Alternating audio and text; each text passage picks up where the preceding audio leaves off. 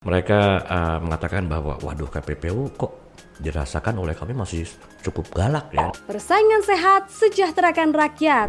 Roll! 3, 2, 1. Welcome to Pod Country. Podcast KPPU Kanwil 3 Bandung. Hai, halo, assalamualaikum warahmatullahi wabarakatuh. Balik lagi nih Pak, kita dadah dulu. Waalaikumsalam. Waalaikumsalam. Warahmatullahi wabarakatuh. Iya, hari ini spesial banget edisinya kita pakaiannya sama nih biru-biru. Biru-biru. Terus biru-biru Oh, sama. bedanya ada ini. Ada apanya Pak? Ada pending nih. Ah, dipaksa. Boleh nanti editornya tolong di zoom ya tulisannya apa nih. Kayaknya keren banget nih. Nah, eh, episode kali ini spesial banget karena ada Pak Kodrat di sini. Beliau adalah komisioner dari KPPU. Selamat datang Pak. Terima Di kasih. Pak Dimas. Selamat Ini teman-teman di Kanwil juga sehat-sehat semua insya Allah. Amin, amin. Jadi selama pandemi Bapak ke mana aja nih? Tiga bulan pertama pada saat eh, semua harus WFH ya Mhm. terpaksa di rumah ya. Terpaksa di rumah. Nah, tapi tiga bulan di rumah itu satu bulan minimal saya ke kantor pusat, Mhm. lalu selalu kontak dengan teman-teman di Kanwil. Saya kira kita malah justru malah produktif ya dalam kacamata output, walaupun mungkin dalam bungkus output kinerja yang disesuaikan dengan Ya. eh, teknologi. Karena memang memang begitulah yang kita harus hadapi dalam masa covid ini. Kontak fisik kita harus kurangi. Kita minimalkan juga untuk mengadakan rapat-rapat yang sifatnya eh, fisik dan ketemu muka. Jadi memang eh, kita bersyukurlah bahwa justru dengan dengan covid ini kita ada upaya untuk lebih mencari sesuatu yang baru yang tetap bisa menjamin output kita uh, terlaksana tapi dalam dalam dalam kemasan yang sekiranya sesuai dengan perkembangan zaman. Jadi bisa dikatakan bahwa selama pandemi KPPU ini tetap bekerja ya Pak ya? Betul, pada faktanya saya merasa justru kita lebih efektif terutama pada saat bicara tentang uh, bukan penanganan perkara ya tapi di advokasi kebijakan. Ini uh, saya rasa dalam tiga bulan kita menghasilkan hampir 6 sampai 9 uh, rekomendasi yang disampaikan secara resmi kepada uh, pihak yang uh, terkait, tentunya kementerian lembaga juga pemerintah daerah. Di, di- apa uh, luar biasa lah. Luar biasa ya. Tapi Pak sebelum kita nyambung ke sana kita main games dulu seperti biasa nih guys. Kita main game. Karena ini YouTube jadi ngomongnya harus guys Pak. Oh guys, Guys. Baik Pak ya. Ini yang pertama kita pengen main uh, tebak uh, Bapak pilih salah satu yang mana menurut Bapak ini uh, lebih prefer ya, lebih Bapak sukai.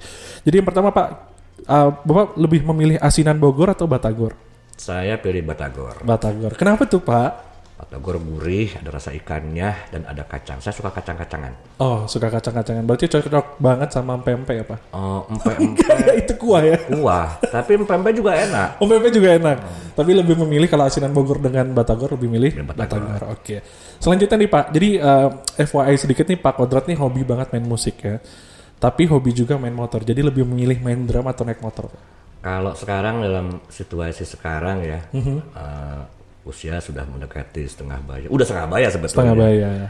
Eh, saya lebih pilih main bass. Main bass. Oh, oke. Tapi pilihannya tadi drum sama motor ya? Iya, iya, drum sama motor. Oh, kalau- Atau main musik deh, Pak. Main, musik, atau naik motor? Main musik. Main musik ya. Kenapa tuh, Pak? Karena setidaknya saya eh, lebih safe. Lebih safe. Mm-mm, lebih safe. Eh, eh, kalau fun mungkin sama lah.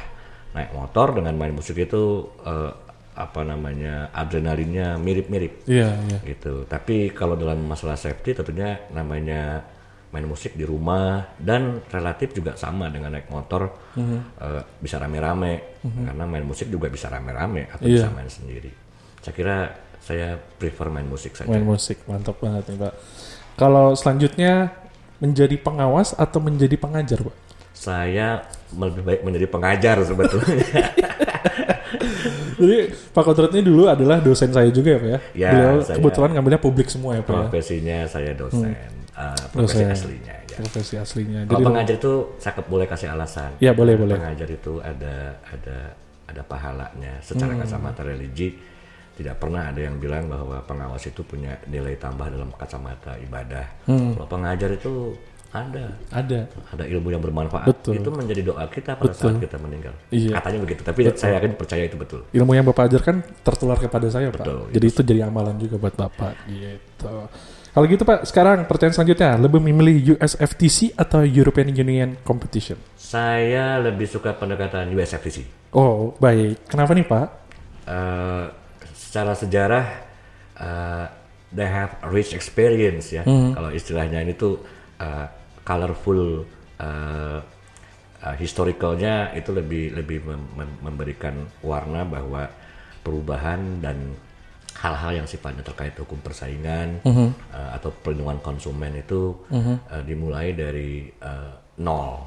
Ar- Artinya betul-betul emang rich experience, uh, rich development. Ya. Kalau kalau EU uh, ya so far yang saya tahu mereka relatif lebih muda. Walaupun perkembangannya ada di negara-negara tertentu ya seperti Ya. Jerman atau Inggris atau uh, tapi pada faktanya memang masalah pengayaan uh, jauh USFTC lebih lebih lebih nendang gitu. Lebih berpengalaman. Punya pengalaman lebih sih. Banyak. Ya, betul. iya gitu. Pertanyaan selanjutnya nih, Pak. Bapak lebih memilih post notification atau pre notification, Pak? Saya pilih pre. Pre. Kenapa tuh? Kalau pre artinya kita bisa lebih awal karena pendekatan saya adalah it's better to deter instead of uh, punishing.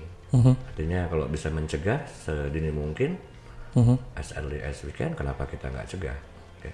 Jadi hal-hal yang sifatnya mungkin merupakan dampak buruk dari sebuah uh, kegiatan bisnis terutama terkait peleburan, pengambil alihan maupun uh, penggabungan gitu ya, merger akuisisi ini bisa lebih eh, awal kita bisa selesaikan kalau ada permasalahan. Ya, jadi gini Pak, Em, kita tadi bicara soal apa yang dilakukan KPPU selama masa pandemi. Sebenarnya ini udah kita bahas waktu di podcast sebelumnya, apa ya di video sebelumnya. Cuman mungkin banyak yang baru nonton, banyak yang belum tahu. Jadi sebenarnya apa sih yang KPPU lakukan pada saat masa pandemi? Tadi Bapak bilang ada advokasi, ada eh, apa namanya juga rapat dengan eh, pihak luar gitu Pak. Jadi apa yang sebenarnya di KPPU lakukan Pak? Sebetulnya KPPU di masa pandemi ini eh, punya punya tugas yang tidak tidak berubah sebetulnya. Artinya sesuai dengan namanya ya pengawasan eh, persaing usaha dengan menggunakan eh, alat yaitu undang-undang yang berisi berbagai macam larangan terkait perjanjian, terkait eh, merger, terkait hal lainnya. Ya, Kita kan punya punya hal-hal yang dilarang. Tapi yang menjadi perbedaan adalah bahwa pada situasi pandemi seperti ini ada hal-hal yang kadang-kadang kita uh, harus rilekskan. Bukan artinya kita uh, kecualikan karena masalah pengecualian juga sudah ada di pasal-pasal tertentu dalam Undang-Undang Nomor 599. Tapi pengecualian yang sifatnya adalah memang terkait dengan situasi darurat bencana. Jadi apa yang dilakukan? Ya tentunya tetap sama melakukan tugas dan kewenangannya di hukum usaha juga kemitraan di Undang-Undang 20 2028 tapi dengan pendekatan yang tadi saya katakan pendekatan yang lebih mengedepankan kebijakan Maaf, maaf kebijaksanaan dan eh, apa eh, mengedepankan kepentingan yang lebih tinggi di atas undang-undang. Karena kita punya undang-undang lebih tinggi, undang-undang 45 kan? Betul. Undang-undang dasar juga Pancasila. Itu yang sebenarnya kita kembalikan ke eh, makna pada situasi seperti ini, situasi yang sulit, pandemi, bukan cuma pandeminya tapi juga apa krisis ekonominya nanti ke depan. Nah, kita eh, mencoba menjalankan tugas dan kewenangan kita itu KPPU melalui pendekatan yang tambahan tadi. Back to the nature, back to the, uh, the main philosophy yaitu filosofi kita Undang-Undang Dasar 45 Pancasila. Ya ujung-ujungnya kan tadi. Ya. Bagaimana kesejahteraan masyarakat eh, perekonomian nasional itu bisa tetap berjalan dalam situasi sulit dan kita mencoba eh, menerapkan eh, aturan-aturan kita dengan lebih bijak. Hmm. Jadi kalau misalnya tadi Bapak sempat bilang bahwa ke depannya mungkin akan ada krisis ekonomi, sebenarnya apa yang bisa KPPU lakukan Pak untuk mencegah atau mengurangi dampak dari krisis Ya. ekonomi yang ada di Indonesia Pak? Saya sebetulnya di antara sembilan komisioner adalah yang pertama mendapatkan masukan langsung dari eh, teman-teman KPPU di luar. Ada dua event internasional dengan World Bank dan UNCTAD. Ya, eh, United Nation Conference of Trade and Development semasa COVID itu. betul. Saya ingat persis di mana saya eh, memaparkan apa yang telah dilakukan oleh KPPU terkait dengan Masa kegiatan ya selama pandemi. Lalu ada uh, bukan kritikan sih sebetulnya masukan dari mereka. Hampir semua KPPU terutama US FTC, Japan FTC, Europe, European FTC mereka uh, mengatakan bahwa waduh KPPU kok dirasakan oleh kami masih cukup galak ya dalam dalam dalam uh, melakukan tugasnya gitu. Sementara kami ini di sini semuanya uh, dipastikan semuanya relaxing. Sementara KPPU masih punya beberapa perkara yang masih kita coba kejar uh, terkait dalam penegakan. Ya. Jadi uh, ada satu kata yang memang menarik Ah, dari Pak? dari semua itu. Bagaimana nanti ke depan KPPU tolong uh, jangan bukan berarti mengikuti mereka ya, tapi tolong pertimbangkan karena karena karena ke depan itu kita harus bisa membedakan Ya. antara how to distinguish between coordination dan violation.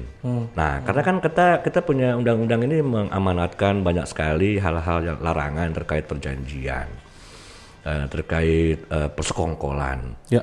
Eh, Bahkan perjanjian yang legal pun gitu ya bisa dipastikan punya resiko dan juga punya eh, apa namanya aspek legal yang bisa menyentuh pelanggaran. Ya, betul. Nah, sementara kita bicara tentang uh, economic recovery, yang pasti dalam ekonomi itu uh, uh, yang namanya kooperasi atau perjanjian itu akan akan dilakukan melalui koordinasi.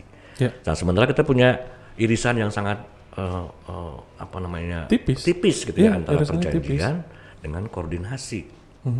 Sementara koordinasi kita butuhkan, Ya, betul. koordinasi antar pelaku usaha, koordinasi pelaku usaha dengan eh, pihak eksekutif, dan sepertinya juga nanti ada koordinasi dengan pihak penegak hukum, ya.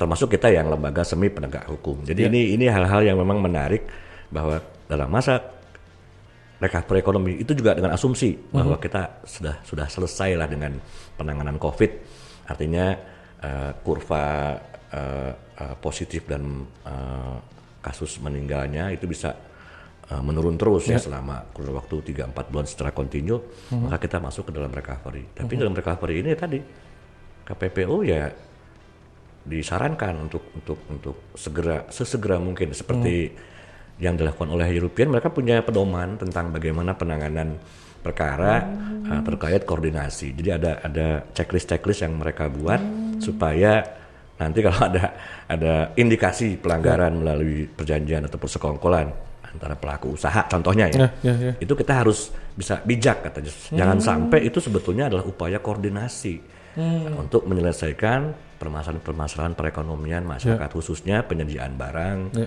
jasa, apalagi yang uh, pangan dan uh, apa itu obat-obatan.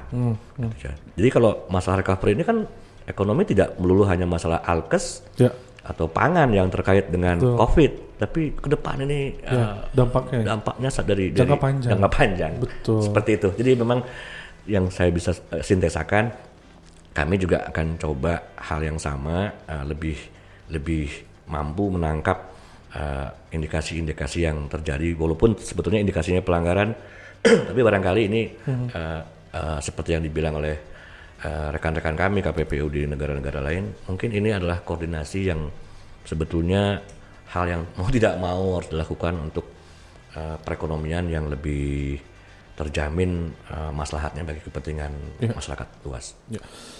Kalau begitu saya jadi keinget sedikit Pak. Ini antara free competition atau fair competition nih Pak. Ya, makanya ini kan kita, ya kita kan tidak bicara free competition. Iya, betul, ya. Nah, Kita betul. kita tidak agitatif dari awal Iya. pun filosofinya KPPU ini mengawasi persaingan yang sehat, bukan persaingan yang sebebas-bebasnya. Iya. Uh, ada berbagai macam kritik yang katanya ini sebetulnya amanah reformasi lalu mendirikan ah me- me- mem- me- me- mempassing undang-undang nomor 5 lalu membentuk KPPU adalah bagian dari skema uh, uh, konspirasi besar ya untuk untuk apa pre competition tapi kan kita sudah sudah sudah secara gamblang di pertimbangan uh, uh, undang-undang tersebut menyebutkan bahwa kita tidak bicara tentang free competition Iya. kita bicara fair competition. Nah, artinya eh, sebetulnya apa yang disampaikan juga disarankan oleh teman-teman KPPU lain sebetulnya kan mirip ya. Ya. Kenapa sih negara-negara ini juga punya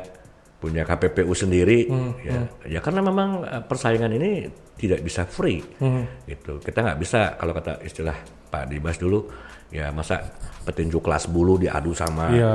uh, kelas berat atau siapa itu? Siapa? Chris John ya. Iya, betul. masa Chris John atau Pacquiao versus Mike Tyson Iya, ya, mungkin. mungkin. Iya, kelas berat lawannya kelas berat lagi, kelas ringan dengan kelas Betul. ringan. Jadi kita tidak bicara kompetisi Hmm. yang seperti itu tidak free tapi yang fair competition. Iya.